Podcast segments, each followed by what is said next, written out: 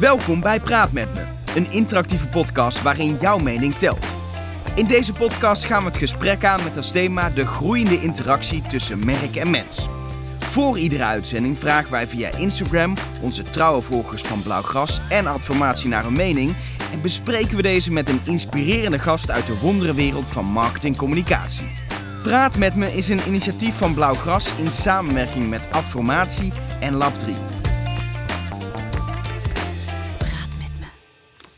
Mijn naam is Elge van der Wel en naast mij zit zoals altijd niemand minder dan de co-founder, nou ja, een van de co-founders van het Amsterdamse social bureau Blauwgras, Erik Wiese. Erik, het was even geleden, maar uh, we zijn er weer. We zijn er weer.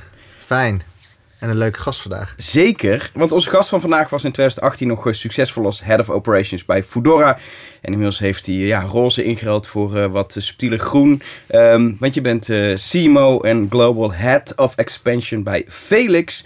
Bekend van de donkergroene scootertjes. Luc van Emmerik, welkom. Ja, dankjewel. En dan is de eerste vraag natuurlijk, ben je ook uh, even hier op de scooter naartoe gekomen? Ik ben hier zeker op de scooter naartoe gekomen. Ja, voor mij is dat echt de ultieme manier om snel van A naar B te gaan in de stad. Zeker tegenwoordig. Dus dat, uh, ja, dat is voor mij uh, eigenlijk ik, een no regret. Ik had het zelf ook kunnen doen. Ik stapte de metro uit en dan moet ik nog nou, 10 minuutjes lopen. En meteen bij de metro buiten stond er een. Ja, ja die 10 minuutjes lopen, dat kan nog net. Om daar nou een scooter voor ja, te pakken. Soms is het ook lekker. Hè? Ik bedoel, het, het, zou ook van de zotte zijn als we voor alles tegenwoordig een scooter zouden pakken. Net zoals we eigenlijk voor heel veel dingen eigenlijk overbodig de auto pakken.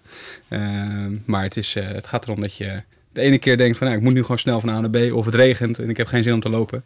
Dan kan je hem pakken en anders pak je gewoon eventjes, met, zeker met dit weer, eventjes een, een wandelingetje mee. Ja, zometeen gaan we uitgebreid uh, met je praten, ook aan de hand van een aantal stellingen die we de volgers van Adformatie en Blauwgras hebben voorgelegd. Maar eerst gaan we naar Eriks vaste rubriekje, de sociale nieuwtjes, oftewel lekker sociaal. De Lekker Sociaal blogs die wekelijks op Adformatie verschijnen, brengen de laatste trends en ontwikkelingen uit het social media landschap. Erik Wiese praat je bij met de meest opvallende nieuwtjes. Yes, ik ben even benieuwd. Zitten jullie op Reddit? Zitten we op Reddit? Ja. Nee, heel eerlijk gezegd. Uh, nee? uh, ik, ik, ik kijk wel eens op Reddit. Dus ik, ik lurk wel eens, dat ze dat zo mooi noemen, maar ik heb geen ja. account. Nou, ik zit er ook niet op, dus het komt mij ook niet bekend voor. Maar ik weet in ieder geval dat Facebook iets gekopieerd heeft, wederom. Uh, van Reddit. Want daar kun je schijnbaar uh, up- en downvotes uh, geven op comments. Dus zo kun je bepalen of een comment bovenaan komt te staan... of in ieder geval hoger komt te staan dan andere. Het is best wel gebruikelijk volgens mij bij voorhand. Ik weet bijvoorbeeld de Tweakers... Natuurlijk ook een heel groot forum ja. op techniekgebied. Die, die hebben dat ook. En dat werkt echt wel goed om ja, de kwaliteit van reacties naar boven te krijgen. Ja, ja, en ik denk ook dat het een soort van eerste stap voor ze is. Hè. Het, ze willen natuurlijk niet beginnen met een dislike. Dat is wel keihard. Um, maar binnen comments in Facebook groepen, in eerste instantie gaan ze dit testen. En ook kijken hoe dat, hoe dat werkt. En, hoe dat, uh, en, en wellicht is het ook een eerste stap richting het uitbannen van um, fake news. Dat je daar een downvote voor geeft bijvoorbeeld. Dat dat een beetje uitgefilterd wordt. Een beetje op een natuurlijke wijze uitgefilterd wordt. Ik denk dat dat een van de redenen is. Uh, of juist uh, haatzaaiende opmerkingen bijvoorbeeld. Dat we die een beetje eruit kunnen veden. Dat ze daar niet zo prominente ja, plek zou, krijgen. Zou dat, zou dat werken, denk je? Want als gewoon de, zeg maar de, de, de pro-Zwarte Piet groep... gewoon massaal alles over Zwarte Piet juist gaat upvoten... of alles van tegenstanders van Zwarte Piet gaat downvoten... dan ja. heeft dat toch uiteindelijk geen effect. Als er maar genoeg massa is, dan... dan kun je daar toch altijd weer tegen ingaan? Nou, kijk, de discussie zal blijven. Zeker als er een soort van polarisatie uh, in zit. Um, maar ik denk wel dat als iemand gewoon echt een belachelijke opmerking maakt... dan kunnen we hem even eruit, uh, eruit dat. Dat, met z'n allen, weet je wel. Dat, allemaal over dat wel, ja. Zeker. Ja. Dus ik ben wel benieuwd wat, daar, uh, wat daaruit gaat komen. Nou, ik ben ook wel benieuwd. Ja, toch? En verder? Um, nou, wat, wat Instagram alweer heeft. Nu heeft YouTube iets nageaapt van Instagram. Het, het, oh, kijkt, het, het kijkt allemaal naar elkaar. op, een gegeven moment, op een gegeven moment, over twintig jaar, dan wordt het een soort quiz om, te, om nog te weten wie het origineel heeft bedacht. wie was de eerste? Wie was de eerste met stories? Ja, Snapchat natuurlijk. Story, ik, ik, heb het eigenlijk al verraden. ja. Uh, nee, dat, ja, Snapchat, Snapchat was de eerste met story ja, natuurlijk. Ja, als je niet kan kopen, dan kopieer je het. Hè? Precies. Zeggen ze eens. Nee, YouTube die gaat um, uh, een feature toevoegen dat um, uh, YouTubers uh, hun favoriete producten, of in ieder geval producten die ze laten zien in die video's, kunnen uh, taggen. En dat je die direct kan kopen via, via zo'n tag in een video. Dus voor adverteerders is ook wel interessant. Hè? Als je iets met product placement doet in die video's, of je hebt samenwerking met een YouTuber. eh, dat de stap naar aankopen iets eh, korter wordt gemaakt. Dus ik denk dat het wel een, eh, een slimme stap is van ze. Ja, ik, ik denk vooral waarom nu pas? Ja. Dat, had, dat hadden ze toch gewoon al jaren geleden kunnen doen toen ze zagen dat er gewoon veel, eh, veel product placement was. Want waarschijnlijk, ja, ik gok dat YouTube ook alweer een percentage mee kan pikken aan die linkjes naar webwinkels. Dus Ja, is de winst voor iedereen. Ik ben wel benieuwd naar hun, eh, hun verdienmodel daarin. Of dat ze alleen maar aan de voorkant geld blijven verdienen. Met, met adver- verkoop van advertentieruimte als het ware. Het is wel lekker qua meetbaarheid ook, hè? Ik bedoel, je kan veel beter zien wat het eh, oplevert. En Ja. dan kan je ook weer andere tarieven gaan vragen aan, eh, aan producenten. Als je gewoon duidelijk ziet dat het een, een groei eh, meebrengt. Ja. dan, eh, En er vallen misschien ook al een paar YouTubers door de mand die blijken, Oh, die blijken niet zo'n goede conversie te hebben. Maar de fit met een, met een product vanuit een, een, een eh, YouTuber wordt alleen maar belangrijker dan denk ik. Zeker als ze die metric gaan meenemen ook in, eh, in het algoritme eventueel. ja, dat ze je wel of niet gaan laten zien. ja. Dat lijkt me wel echt een interessante stap als ze dat gaan doen. Dan gaat echt de kwaliteit van, eh, van samenwerking omhoog, denk ik. ja, de vraag is of ze het willen. Ik bedoel, eh, verdienen ze meer, het meest aan de massa of, eh, of aan die specifieke niche-markten? Ja. Dat is, eh, dat is een afweging, een moeilijke afweging die ze moeten gaan nemen, denk ik. Nou, als mensen van YouTube luisteren, ze mogen Ja. ons DM'en met het antwoord eventueel. Toch? Uiteraard, nee, uiteraard. Laat het vooral weten, dan komen we de volgende keer gewoon, eh, gewoon op terug. Ja. Ehm, voor nu denk ik dat het, eh, dat het mooi is om, eh, om naar het hoofdonderwerp te gaan. Naar onze gast eh, Luc van Emmerink. Ehm, zoals gezegd, we gaan dieper in op jullie aanpak bij Felix. Heel erg data-driven. En vooral ook natuurlijk de toekomstplannen. Want volgens mij zijn jullie echt pas net begonnen als, als scale-up, zoals we dat zo mooi noemen. En we doen dat aan de hand van drie stellingen waar onze volgers op, op hebben gereageerd. Ik ga niet meteen verklappen wat hun reactie was. Ik wil eerst jouw reactie en aan het einde mag je nog een gokje doen hoe het, eh, hoe het publiek heeft gestemd. Leuk. En de eerste stelling, eh, scale-ups, zoals Felix, die bouwen te weinig aan hun merk. Nou ja, ik gok dat je dit wel wil ontkrachten nu je hier zit. Ja, nee, kijk, ik, het, het, het verschilt heel erg. Laat ik, laat ik het zo zeggen. Ik denk, ik denk dat in de basis merk heel belangrijk is. Ook voor scale-ups, ook voor de start-up fase daarvoor nog. Alleen dat je als bedrijf hele duidelijke afweging moet maken tussen... Wat wil ik en waar kan ik mijn budget aan allokeren? Eh, En ehm, dan is het makkelijker en ook efficiënter om heel gericht op een iets meer data-driven approach te gaan zitten. En ervoor te zorgen dat je je funnel optimaliseert. Voordat je zeg maar aan merkbouw gaat beginnen om ook die funnel daadwerkelijk goed te vullen. En dat, eh, eh, dat is een moeilijke afweging. Omdat eh, zeker in een product waar wij in zitten, hè, wat eh, om verkeersbewegingen gaat, en, eh, er heel veel aspecten meespelen waarom iemand wel of niet voor ons product kiest. En je dat ook heel goed moet opvangen in je merkverhaal en je merkbeleving. Dus eh, ehm, is, is, is de, het easy stuk, het fast stuk en het fun stuk is, is heel belangrijk. Maar ook het veiligheidsstuk is heel belangrijk. Dus hoe ervaart iemand het product? Voelt hij zich veilig op de scooter? Weet hij hoe hij de scooter moet gebruiken? Eh, en dat, dat moet je eigenlijk embedden in je merk om ervoor te zorgen dat, eh, dat, je, dat, aspe- ja, dat je dat aspect ook mee kan nemen. En ehm, eh, ik denk dat we dat... dat het start-up eigen is om, dat in het begin te weinig te doen. Omdat je dusdanig veel vertrouwen hebt in je product. Hè. Je, bent, bent aan de slag, je krijgt tractie. Je denkt, hé, hey, wacht even, fuck, dit werkt. Eh, laten we dit gaan schalen. Eh, en eh, op een gegeven moment komt er een fase in dat je eigenlijk een soort van, nou, niet per se op een dood spoor komt, maar dat je eigenlijk niet meer begrijpt waarom de consument jouw product gebruikt. En dan is echt de basis om te gaan kijken van, oké, wacht even waarom en hoe. En eh, eh, dat is vaak ook het moment waarin startups en scale-ups kijken naar, oké, wacht even.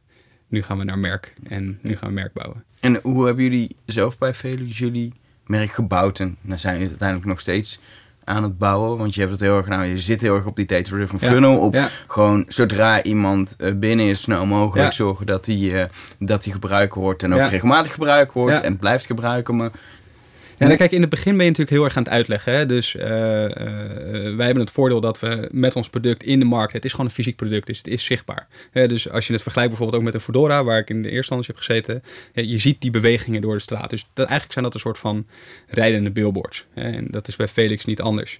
Ehm, dus dat scheelt. Hè? Dus je, die zichtbaarheid en de functionaliteit is relatief zichtbaar in de markt. Ehm, en, en dat moet je gaan laden. En eh, wij doen dat eigenlijk door heel erg specifiek naar de klantgroepen te kijken en te kijken hoe ze het product gebruiken en waarom. Uh, dus je, hebt, je kunt heel makkelijk segmenteren in uh, uh, weekendgebruikers, echt forense gebruikers. Is dat dan wekelijks? Is dat dagelijks? Is dat één keer per maand? maar ook, ik bedoel, ik noem ons af en toe ook wel een soort van veredelde ijsverkopers. Want hoe mooier het weer, hoe meer de mensen naar buiten gaan, hoe vaak ze moeten gaan gebruiken. Um, ja, dus in de combinatie Den Haag-Scheveningen is in dat opzicht is goud waard. En daar zie je heel makkelijk zeg maar gebruikspatronen. En tuurlijk is, is in de basis is ons communicatie is hetzelfde. Namelijk hè, gewoon easy van A naar B op een leuke manier. Dat is eigenlijk je kernboodschap. En je gaat steeds dieper kijken op die klant. Waar haakt hij op aan? Via welke campagne komt hij binnen? Wat levert hij op? Wat is dat gedrag? En dan ga je eigenlijk op basis van dat gedrag ga je heel gepersonaliseerd uh, boodschappen sturen. dus als jij weet van iemand rijdt altijd in het, op, een zaterdag met 30 graden naar het strand, dan ga jij twee dagen van tevoren dat je weet dat dat gaat gebeuren, ga je hem alvast laden met boodschappen. hey, weet dat het mooi weer wordt. Is, hey, is, ga naar is, is Felix dan ook niet één merk, maar een, een heleboel merken afhankelijk van de doelgroep van de klant? Philip, Felix, uh, Johan. ja, misschien een naam opgehangen. Nee, dus, nee, dus de, eh, kijk, het merk blijft hetzelfde. Want uiteindelijk vervullen we nog steeds hetzelfde doel. Alleen mensen gebruiken het anders. En dat is, dat is denk ik het allerbelangrijkste. Dus als je, zodra je weet waarin, waarom iemand je product gebruikt, kun je daar ook veel doelgerichter op gaan acteren. Ehm, maar uiteindelijk hebben wij nog steeds als doel als bedrijf om aan de ene kant de vervoersvraag beter in te vullen, zonder dat daar een bezit aan gekoppeld wordt. En anderzijds ook gewoon de leefbaarheid van een stad um, te optimaliseren. Hè? Want als je om je heen kijkt, en nou, nu is het gelukkig eigenlijk een soort van door noodzakelijk kwaad wat minder aan het worden. Maar die steden in Amsterdam, als je daar gewoon op een zomerdag door de staat heen fietst, ja, je, je wordt 9 10 keer bijna aangereden. Weet je? En dat, dat, om daar efficiënter mee om te gaan en ook die kwaliteit van leven in die stad eigenlijk te kunnen bevorderen, ja, dat is ook een onderdeel van onze merklade. En uh, denk ik ook juist hetgeen wat onze doelgroep ook heel interessant vindt. Je ziet eigenlijk dat die purpose merken steeds meer naar de voorgrond komen. En, uh, en uh, ook makkelijker omarmd worden. Maar is die purpose dan niet je... je want ik, zit, ik, ik proef dat het vrij functionele boodschappen zijn die je dan zendt naar dergelijke mensen die ja. een toch in de stad maken. Ja. Dat is door data weet je veel ja. en hij zit je heel erg op gebruiksmoment. Ja. Gebruiksmoment is vaak vrij functioneel. Ja. Is dan die die purpose, is dat dan misschien je emotionele connectie die je bouwt aan de, aan de zeker, voorkant? Zeker, ja, dus, dus zeker. Um, die purpose wordt steeds belangrijker ook. Dus het, die het, purpose is voor, voor, de, voor de volledigheid, dat is dus het. Um, dat, heeft, dat heeft wel iets te maken met, met de, de, de kwaliteit, luchtkwaliteit. Zeker, nou ja, het is, het is een combinatie. Dus ik, auto's de stad uit, wat je dat Absoluut, dus, dus wij zijn zeker groot voorstander van uh, het, nou, het, het het vervangen van bepaalde vervoerstromen. Uh, ik kan me nog steeds voorstellen dat mensen voor sommige doeleinden een, een auto nodig hebben. Ik bedoel, als jij vier kinderen hebt en je moet uh, naar je schoonouders buiten de stad, ja, dat ja, gaat gewoon niet zo makkelijk op de scooter. Ja. En als jij een smart uh, pakt als, als leenauto, ja, dat gaat ook niet zo, zo 1, 2, 3. Dus dat, ik kan me nog steeds voorstellen dat het moet. Maar er zijn, ik bedoel, een auto staat gewoon 92% van zijn tijd stil. en, en, en dat is gewoon onnodig. En heel, er is ook een soort van gemak omheen gekomen dat je voor een ritje van vijf minuten de auto pakt, weet je wel. En dat, dat kan je gewoon anders invullen en dat kan je efficiënter invullen. En dat is, dat is wat wij aanbieden en dat wij doen en dat dat daar indirect ook de leefbaarheid van de stad doorverbetert, omdat je minder uitstoot hebt. Uh, de luchtwaarden beter worden uiteindelijk als je dat uh, op de juiste manier uh, door blijft voeren, is, is natuurlijk een hele grote plus. Um, maar uiteindelijk, hè, het, het laden van het merk aan zich is dat, maar ook de emotie waar iemand naartoe brengt. Hè? Want vervoer gebruiken we nog steeds door, nou ja, in dit, in dit geval minder, maar naar de kroeg te gaan. Of uit eten te gaan, of met vrienden afspreken. Of naar je werk te gaan, waar je een leuke werkdag gaat hebben. Weet je? Dus eh, daar zijn we ook wel steeds meer naar aan het kijken hoe we dat zeg maar uh, in, in het verhaal kunnen toevoegen. Het is ook wel een specifieke doelgroep hè, die je denk ik bedient. Want de, ja. de hardcore autobezitter of de, gewoon überhaupt de man, vrouw die uh, hecht aan bezit. Ja. Dat, die is vrij groot nog. Hè. Het ja. zijn vaak de de ja, conservatievere mensen. Hè, uh, iets minder randstedelijk ook vaak. Toch? Die hechten heel veel waarde aan hun, hun auto of hun eigen scooter in dit geval. Ja, absoluut. Merk je dat ik heel erg zie dat ik terug in onderzoek? Nee, wat we, wat we heel erg zien in onderzoeken is dat eigenlijk de, de early adapters van ons, van ons product zijn vaak inderdaad de jongeren. Het zijn vaak de mensen die of geen auto bezitten, uh, relatief minder met bezit zijn opgegroeid ook. Hè. Dus Mhm. dat is vaker de generatie van ons en daar, daar wat onder. Maar je ziet wel echt een, een shift. Dus ik sprak toevallig gisteren iemand die zei van ja, weet je, als ik nu mijn kinderen naar school breng, ik zie gewoon ouders met hun kind op de Felix hun, hun kind afzetten op school. Dus je ziet wel dat dat, en wij zien ook wel echt in die segmentatieonderzoeken, hè, dus als je, als je kijkt naar de eerste jaar van een stad, zie je echt die buik zeg maar op die leeftijd zit echt op die, op die 18 tot, eh, tot, tot 31. En naarmate je langer in die markt zit, verschuift die ook, wordt die iets vlakker en, en komen daar echt wel leeftijdscategorieën bij die, eh, ja, die, die uiteindelijk ook nut gaan zien van, eh, van het product. En Ik ben wel benieuwd of het dan met de intrinsieke behoefte te maken heeft. Of dat, dat, dat we gewoon meer digital savvy zijn. Dat wij, dat wij dus zo'n app downloaden op onze telefoon. Ja, Eh, Of, of, of het is waarschijnlijk een combinatie. Hè? Ik weet het niet hoor. Maar dat Ja, het is, het, is, het, is, het voor eh, ons soms ook af en toe nog lastig hoor. Om, om echt die. Om de, en daar moet je natuurlijk gewoon ook voor groeien. En nog Ja. meer datapunten voor verzamelen. Om te begrijpen wat er nou precies speelt. Alleen wat je wel merkt is dat het. Een vervoersvraag gaat altijd gekoppeld met vertrouwen. Ja, Jij moet gewoon van A naar B. En als eh, bijvoorbeeld, eh, wat we in, in Amsterdam bijvoorbeeld hebben gehad, waar we heel lang niet de mogelijkheid hebben gehad om meer dan 100 scooters te op- eh, in de operatie te hebben, dan zie je gewoon dat als mensen misgrijpen, ja, dat ze gewoon denken van ja, dit werkt niet voor mij. En nu we flink zijn uitgebreid qua scootervloot in, in Amsterdam, maar ook in de overige steden, zie je gewoon dat het steeds meer een vertrouwensproduct wordt. En dat doen we niet alleen, dat doen we ook door andere partijen die in de markt stappen. eh, waardoor eh, mensen het gevoel hebben dat ze niet meer misgrijpen. En als je niet meer misgrijpt, dan wordt het in één keer een optie. En dat is, eh, dat is wel echt belangrijk. Dat, dat is met alles. Ik, ik, ik, ik ken het verhaal van de NS die op een gegeven moment de 10 minuten trein invoerde tussen, tussen Amsterdam en Eindhoven. Eh, met als doel omdat het veel te druk was op het traject. Maar doordat die trein zo frequent gaat, je naar het station kan en je in kan stappen, is de hoeveelheid reizigers alleen maar verder gegroeid. En is de drukte eigenlijk om de streep niet heel erg afgenomen in die treinen. Ja. Je ziet het ook bij snelwegen. Zodra je meer banen aanlegt, staan er, gaan er gewoon meer auto's op, staan er meer file. Het, Ja, werkt wel. Meer, meer aanbod en gewoon weten dat, dat, dat er is. Exact. Zorg dat mensen gaan gebruiken. Ehm, laten we even teruggaan naar de stelling. Ehm, de stelling was scale- scale-ups als Felix bouwen te weinig aan hun eh, merk. Hoeveel procent denk je dat het eens was met deze stelling? Dat is altijd gok, hè? Maar dat Ja. vinden we leuk. Nou, ik, ja, het ligt aan. Ik denk 60, 65 procent, zoiets. 60 inderdaad, dat is heel scherp. Keurig. 60 eens, eh, eh, 40 procent eh, oneens. Laten we dan meteen doorgaan naar eh, de tweede stelling. Nou, gaan we het hebben over data, want met data anno 2020 heb je goud in handen. Ja, daarvoor ook, alleen toen deden we wat minder. Maar dat, is- dat eh, nee, ja, ja ik, ik ben daar wel eh groot het kan overigens ook een valkuil zijn, hè? want je kan ook te lang zeg maar, in, je, in je analyses en in, in, in, in die systemen blijven rondsnuffelen om te kijken wat kan ik nog meer vinden. Hè? Soms ben je ook op zoek naar iets wat er niet is. Snap je? En dat, dat, eh, dus dat, dat is zeker een valkuil. Eh, ik heb daar ook best wel vaak gewoon discussies over. Ik bedoel, als je gewoon echt een goed eh paid performance team hebt zitten bijvoorbeeld, die eh, campagnes voor jou draait op acquisitie of op activatie of wat dan ook, ehm, dan hoeven ze niet eens een foto te hebben van Felix bijvoorbeeld. Je kan ook een foto van een auto of van, weet ik veel, eh, een hamburgerketen of zo gebruiken. En dan weet ik nog steeds zeker dat ze ja, drie, vier klanten sowieso wel binnenhalen. Hè? Omdat ze gewoon weten, dit is mijn doelgroep, hier moet ik op targeten. Eh, als ik hier eh, deze kopie inzet, dan, eh, dan klopt het wel ongeveer. Alleen het beeld wat je schetst klopt natuurlijk niet met je merk. Hè? Dus het is wel heel erg die combinatie daartussen. Zorgen dat je aan de ene kant heel erg naar je datapunten kijkt. En anderzijds ook je boodschap constant optimaliseert op die datapunten. Eh, Dus als jij een veranderingspatroon ziet, bijvoorbeeld die, een veranderingspatroon die wij eh, na de eerste lockdown hebben gezien, toen mensen steeds minder OV wilden gebruiken en steeds minder eh, eh, ehm, eh, ja, met groepen eigenlijk wilden reizen. Toen zagen we echt een verandering in gedragspatroon. Bijvoorbeeld dat mensen langer gingen rijden, eh, verder weg gingen rijden. En dat, eh, ja, dan moet je daar ook zeg maar je boodschap op aan gaan passen, om dat ook weer ja, verder op te, te, te bekijken en te Ja, hoe, hoe, hoe snel kun je dat doen?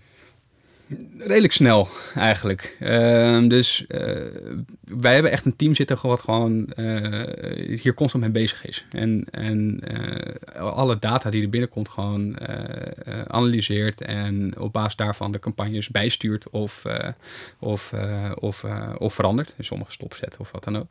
Ehm, het is sowieso een, af en toe een delicaat zeg maar, onderwerp. Omdat ja, weet je, de een gelooft heel erg in uh, zo ver mogelijk optimaliseren. De ander gelooft ook gewoon in dat je uh, ook multiple touchpoints nodig hebt om überhaupt iemand uh, te converteren. En welk touchpoint was dan uiteindelijk degene die iemand oversteept ook ik denk nooit dat dat er één kan zijn. Ik denk dat dat, dat er meerdere moeten zijn.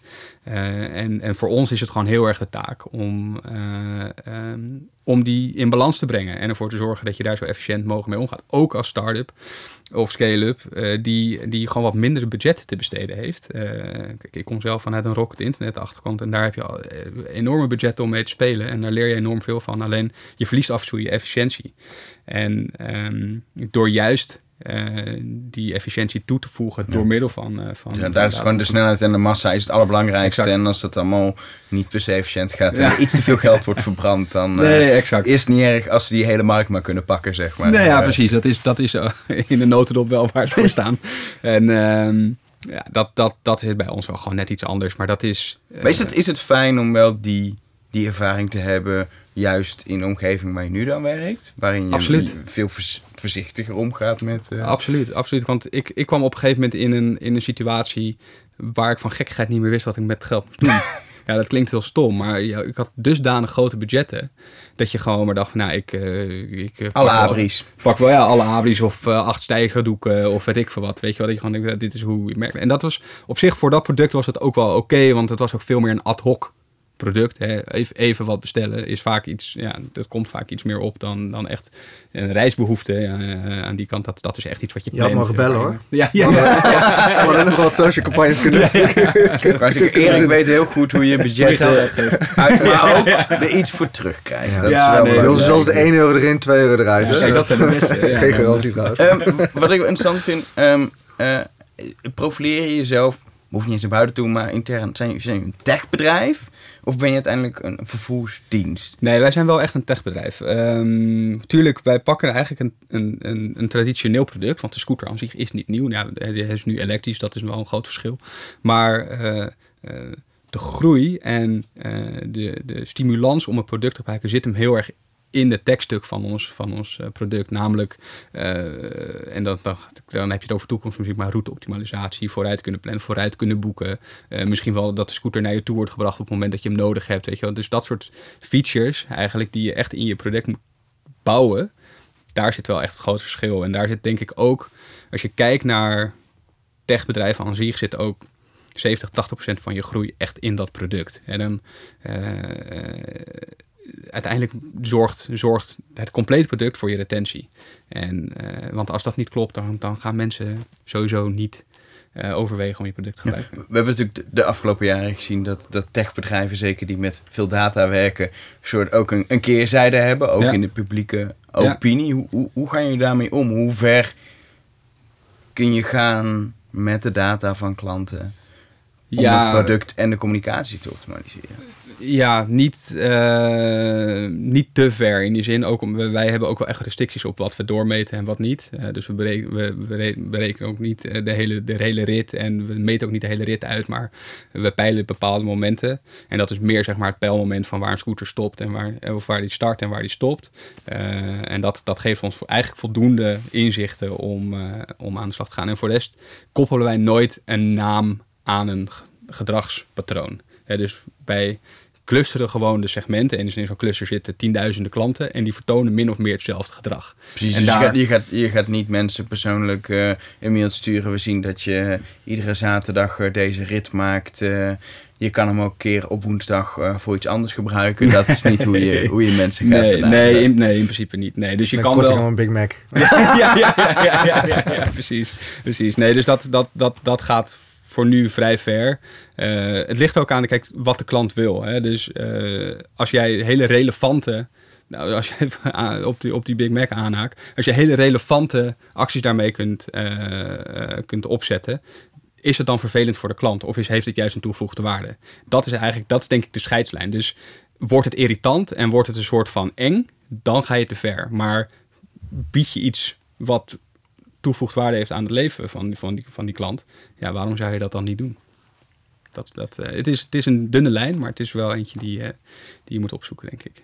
Ik zat te denken van, van je, want je disrupt ook geen markt Eigenlijk, ja, je bent wel heel nieuw. Ja. Je bent helemaal nieuw. Ja, Zoals de taximarkt wordt door Uber gedisrupt, ja, als het ware. ja. Dus ook met die publieke opinie. Ja, ik denk, ik dat je, een disrupt een, maar die, het, je disrupt een compleet vervoerssysteem. Nou, dat. Ja, dat Ja. is waarin, weer. waarin, waarin eigen bezit van vervoer, eh, taxis, het OV, Ja. eh, alles denk ik een, een rol speelt. Maar daarom ben je niet, je bent niet een soort hele hap uit één, Nee. één concurrent aan het nemen. Maar je draagt wel bij aan überhaupt het vervoer. Ik- stad nu nog klein, maar hoe groter je groeit, hoe meer effect het heeft. Ja, en wij zullen ook nooit zeg maar 100% van de vervoerstaart pakken, zeg maar. En dat is natuurlijk waar Uber met, met de taximarkt wel eh, meer naartoe eh, bewoog op een gegeven moment.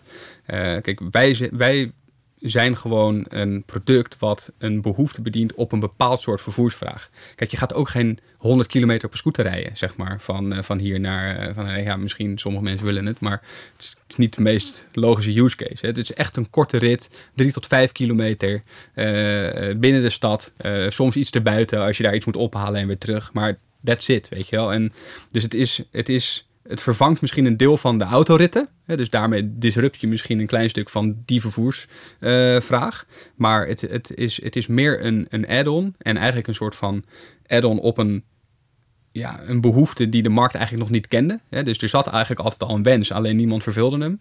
En door dit in de markt te brengen zie je in één keer dat, dat, eh, dat het eigenlijk veel efficiënter kan.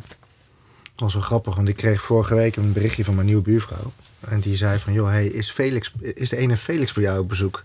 Staat hier al drie dagen een scooter voor het huis. dat was wel grappig. Dat was dus toevallig. Die stond echt, echt pal voor de deur daar. Maar ja, dat is, dat is- toen moest ik dus uitleggen wat het was. Toen Ja. voelde ze zich natuurlijk echt een boomer. Maar, eh, maar dat is natuurlijk wel, dat, dat krijgen jullie vast ook wel eens terug, toch? Van dat die dingen echt overal en nergens rondzwerven. Absoluut, absoluut. En wij proberen daar ook zo goed mogelijk op, eh, op te acteren. Dus eh, een heel, je moet het eigenlijk bij ons zien, is dat wij hebben verschillende stakeholders. Het zijn namelijk onze klanten, maar het zijn ook de, de, de, de, de stedelingen die, die gewoon in de stad leven. En ook de gemeente die zeg maar, de stad probeert ja, eh, binnen, de, binnen de perken te houden en eh, op de juiste manier te, te regeren. En ehm, ja, natuurlijk lopen wij tegen het feit aan dat we gebruik maken van de openbare ruimte. Dat mensen een product wat ze niet bezitten toch wel vlak voor een zebrapad parkeren in plaats van gewoon netjes in de rekken. Het, het prettige daaraan is, maar ook het onprettige, is dat er staat heel groot Felix op die scooter, dus iedereen weet ons te vinden. En eh, eh, wij hebben, hebben, krijgen ook wel vragen van de gemeente of van, eh, van, van, van directe betrokkenen die zeggen van ja, hey guys, doe eens iets aan het feit dat die scooters overal nergens worden. Ja, dat proberen we ook. We hebben ook gewoon een warning systeem voor de klant. En als je er gewoon op gepakt wordt, dan word je daarop geattendeerd. En hanteren we ook een three strikes is out policy. Ehm, maar het klinkt heel stom, maar de, de, de bakfiets, zeg maar, die twee blokken verderop staat, ook niet helemaal lekker geparkeerd waar je ook omheen moet. Ja, die staat er en is, is, is misschien een soort van ergernis, maar daar valt geen label op te plakken. Hè, dus- Bakfiets.nl. ja, ja, ja, ja. Weet je, dus daar probeer je wel echt gewoon een balans in te vinden. En, en, en dat is natuurlijk wat lastig. En zeker in een stad als ook Amsterdam bijvoorbeeld, waar gewoon de druk op de openbare ruimte groot is. Ja, dat, dat was ik wel benieuwd naar. Want je ziet natuurlijk in data waarschijnlijk wa- hoeveel klachten of hoeveel problemen er zijn met plaats van die scooters. Is dan, dan kan ik me voorstellen dat Amsterdam te veel groot probleem is dan weet ik veel een kleine, kleine stad in het zuiden van het nee, land. het, valt wel, het valt wel mee hoor. Dus, eh, en überhaupt, het aantal klachten wat we erover krijgen valt gelukkig nog steeds mee. Dus eh, echt het merendeel van de mensen gebruikt ons product gewoon netjes en parkeert ook gewoon netjes. Ehm, en en eh, op basis van de klachten die we binnenkrijgen en ook de cases, wij analyseren natuurlijk ook die cases. Wat is wat, dus je kan het eigenlijk ook weer in bepaalde categorieën plakken. Eh, is het verkeerd geparkeerd? Is het, hoe dan verkeerd verkeerd? Of staat hij nog aan? Of gaat het alarm tijd af? Et cetera. En daar probeer je natuurlijk ook weer gewoon producttechnisch dan verbeteringen op door te voeren. Dus we zijn nu ook met een projectgroep bezig, echt puur op het parkeren. Van oké, hoe gaan we ervoor zorgen dat we de klant aan de ene kant beter opvoeden, maar hem ook helpen door het product gewoon goed neer te zetten. En dan kan je een soort van controle, controlefunctie of zo op toevoegen. Maar je kan ook aan, denken aan dat je een sticker plakt op een scooter. eh, waarvan je zegt van hé, hey, eh, beste klant, staat deze in de weg?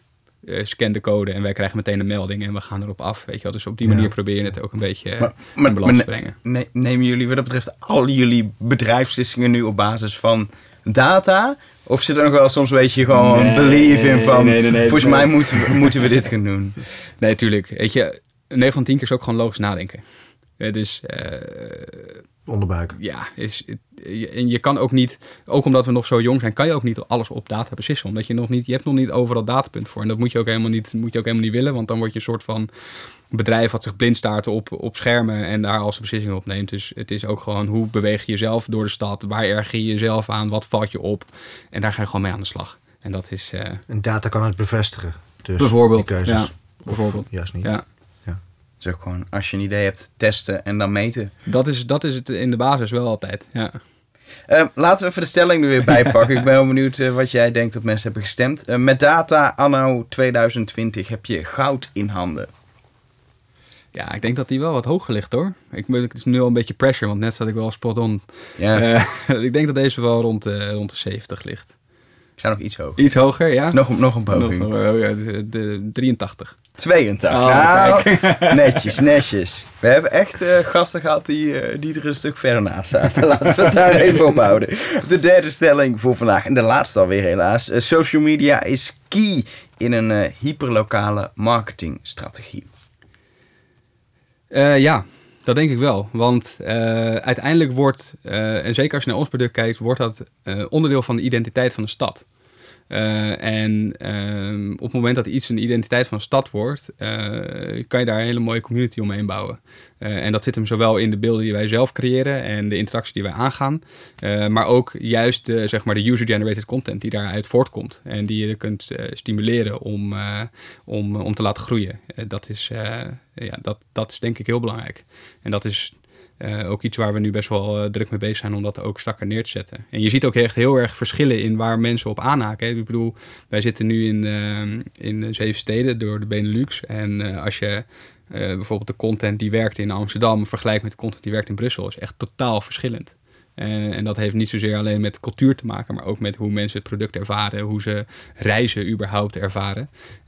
En ja, dat, dat kun je heel goed vangen in beeld uiteindelijk. Eh, en ehm, door dat goed te kunnen, ja, creëer je ook weer herkenbaarheid. En die Maar, maar, herkenbaarheid... maar je hebt niet een, een los Felix Amsterdam account en een los Felix Nee. Brussel account, hoor. Nee, nou, we hebben wel een, een Belgisch account Oh, wel en een een Belgisch account. Ehm, maar eh, nee, we hebben niet een specifiek los account. Maar je, ja, je pakt wel natuurlijk bepaalde elementen die herkenbaar zijn voor die stad en waar je iets mee doet. En dat probeer je zo goed mogelijk af te wisselen. En eh, eh, kijk, in social media, en dat hoef ik jullie waarschijnlijk niet uit te leggen, maar kan je ook heel makkelijk met thematieken werken. Die je de ene keer wat meer toespitst op de ene stad en de andere keer op de andere stad. Die, die, die voor herkenbaarheid zorgen. En ja, uiteindelijk ook eh, een soort van trots opwekken bij de gebruikers. En van ja, weet je, dit is mijn stad en ik ben blij dat dit, dat dit er is. Wat, is de, wat is de grootste uitdaging als het gaat om social voor jullie? Ehm, de grootste uitdaging, dat vind ik een goede vraag. Daar heb ik eigenlijk nog nooit echt, echt goed over nagedacht. Maar dat is denk ik. ehm, ik denk dat het misschien wel ook juist in, in dat stuk zit. Juist ervoor zorgen dat het. Doordat het, dat je zoveel losse elementen en zoveel los dat, dat je daar wel één eenheid van maakt.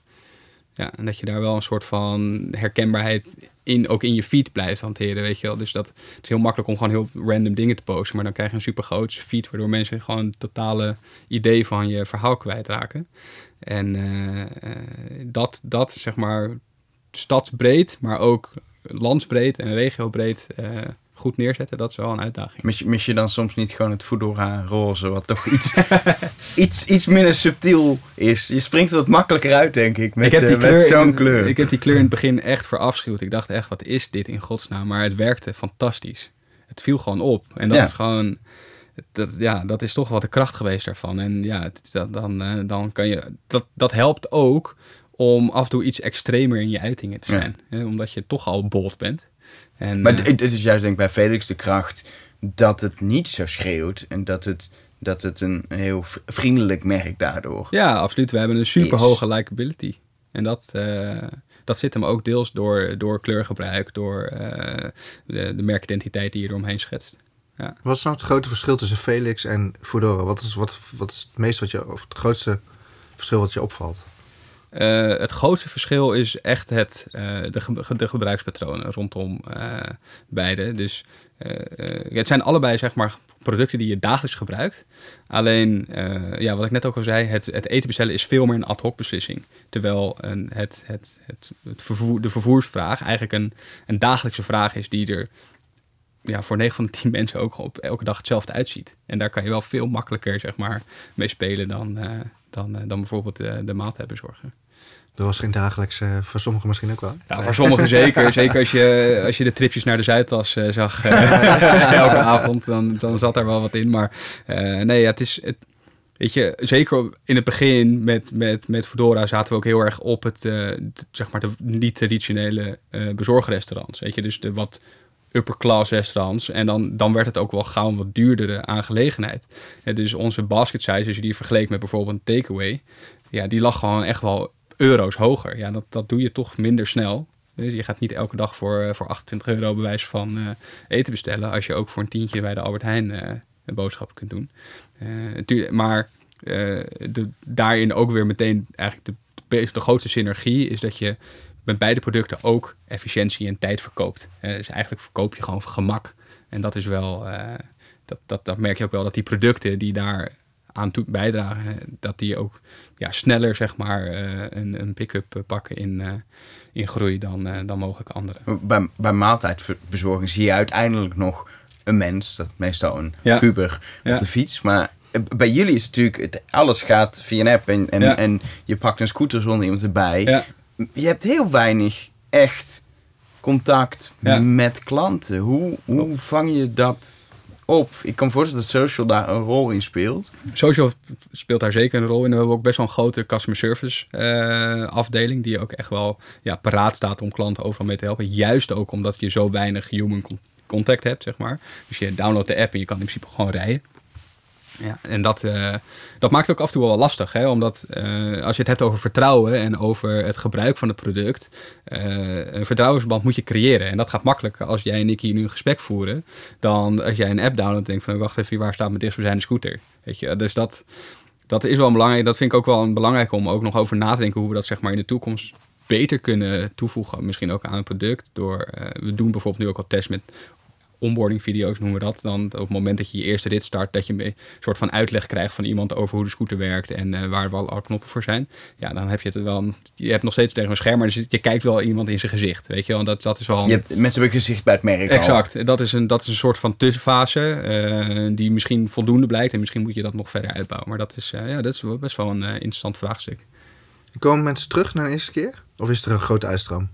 Nee, best wel uh, veel mensen komen terug naar een eerste keer. En ja. je ziet uh, uh, dat wel in verschillende gebruikspatronen. Dus de een komt na drie maanden terug en de een komt meteen de volgende dag terug. dus wij, wij sturen daar natuurlijk ook wel iets op, omdat we ook wel weten van oké, okay, hoe de retenties een beetje meebewegen. Ja. Maar um, een heel belangrijk onderdeel bijvoorbeeld is ook gewoon seasonal churn. Uh, waarin mensen gewoon uh, in de zomer lekker gebruik maken van ons product. In de winter stoppen omdat het gewoon kouder wordt en, ja. en natter. En dan in maart, april weer beginnen te rijden. Ja, dus dat, dat, en dat is ook prima in ja. die zin. Dus uh, als dat past bij die behoeften, dan... Ja, het is ook heel moeilijk om die... Ik kan niet iemand dwingen, zeg maar, om uh, vaker te gaan rijden... of vaker van A naar B te gaan, om, ten, terwijl hij dat helemaal niet nodig heeft. Dus ja, waarom zouden we daar ons dan uh, druk op maken? Het gaat erom dat, dat we op dat moment voor hen relevant zijn. En dat is misschien wel weer een nadeel van de hyperlokale... want dat is natuurlijk ook de stelling dat is weer het nadeel misschien van die hyperlokale aanpak. Of dat je echt kan pinpointen op een één gedragsprofiel als het ware. Terwijl die misschien ook wel open staat om een keer op een heel ander gebruiksmoment. Ja. Maar hij valt dan niet binnen dat, of hij zei, ik, ik weet niet wat ik hij zeg, want ja. ik, ik, zie jou rijden als ik het dat hij misschien ook daar, ja, ik weet niet hoor, misschien is het heel gek wat ik zeg, maar misschien valt, omdat hij juist in één bakje valt, mm -hmm. ziet hij niet de andere mogelijkheden of zo. Waarom anderen het gebruiken. Klopt. Klopt dat? Klopt. En ik denk dat dat een deel daarvan gaat uh, soms organisch, omdat mensen die gebruiken het voor een bepaalde behoefte en worden dan noodgedwongen bijvoorbeeld een keer in een andere situatie gegooid en gebruiken dan ook denken van dat is eigenlijk ook wel makkelijk. Uh, dat zie je wel als, als uh, bijvoorbeeld storingen zijn met het tramnetwerk of, uh, of met de treinen. Dan zie je nog wel eens een, een, piek ontstaan rondom stations dat je denkt van nee wacht even, daar is iets gebeurd.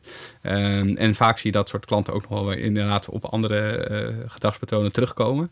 en deels is dit denk ik ook aan onze taak om ook steeds breder te gaan uitleggen waar je het nog meer voor kunt gebruiken. En dat zit hem dan weer heel erg in het, in het laden van het merk. Om ook Precies. mensen te informeren over het feit dat het niet alleen maar over dat stukje hoeft te gaan. Ja. Ja. Interessant. Ja. Laten we de stelling nog even terugpakken. Ja. Social media is key in een hyperlokale marketingstrategie. Hoeveel procent eens? Ehm, ja, het is natuurlijk blauw gras en adformatie. Hè? Dus eh, dat, dat verwacht ik wel eh, wat, eh, wat, wat hogere, hogere getallen. Eh, het zou het zijn, eh laat ik zeggen, 76 procent. 80. 80. Ja. Ja, Klaus. Ja. Ah, netjes. Ik heb het wel netjes gedaan. Ik heb Ja. wel top 3 eh, gokken van percentages Ja, die, je, die, je, die je te pakken krijgt. Ja, en dan zit het er echt op, eh, deze aflevering. Eh, eh, eh, Luc bedankt, Erik bedankt. Praat met me is natuurlijk een initiatief van Blauwgras in samenwerking met Adformatie en Lab 3. En wil je weten wie de volgende keer te horen is, dan kun je Adformatie en Blauwgras gewoon volgen op social media. Dan delen we wie de nieuwe gast is, delen ook de stellingen op Instagram. In de stories kun je stemmen. En heb je een gast waarvan je denkt, nou die moet echt een keer aanschuiven bij, eh, bij Erik en mij, dan kun je het gewoon achterlaten via een DM.